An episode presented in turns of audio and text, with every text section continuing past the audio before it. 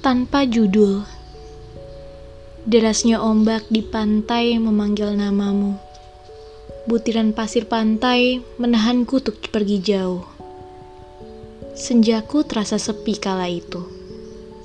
Karang di pinggir pantai hanya menatapku sedih. Hanya angin pantai yang bersahabat denganku.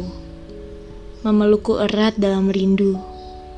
Datang penuh dengan kesukaan tapi pergi tanpa permisi. Semua tampak maya di mataku. Laut itu, langit itu, semua terasa dekat. Nyatanya, itu jauh. Jauh dari bayanganku, semu tapi seolah nyata. Tanpa judul, karena ungkapan hati tak perlu judul. Tulisan ini dibuat pada tanggal 31 Oktober tahun 2012 di Yogyakarta.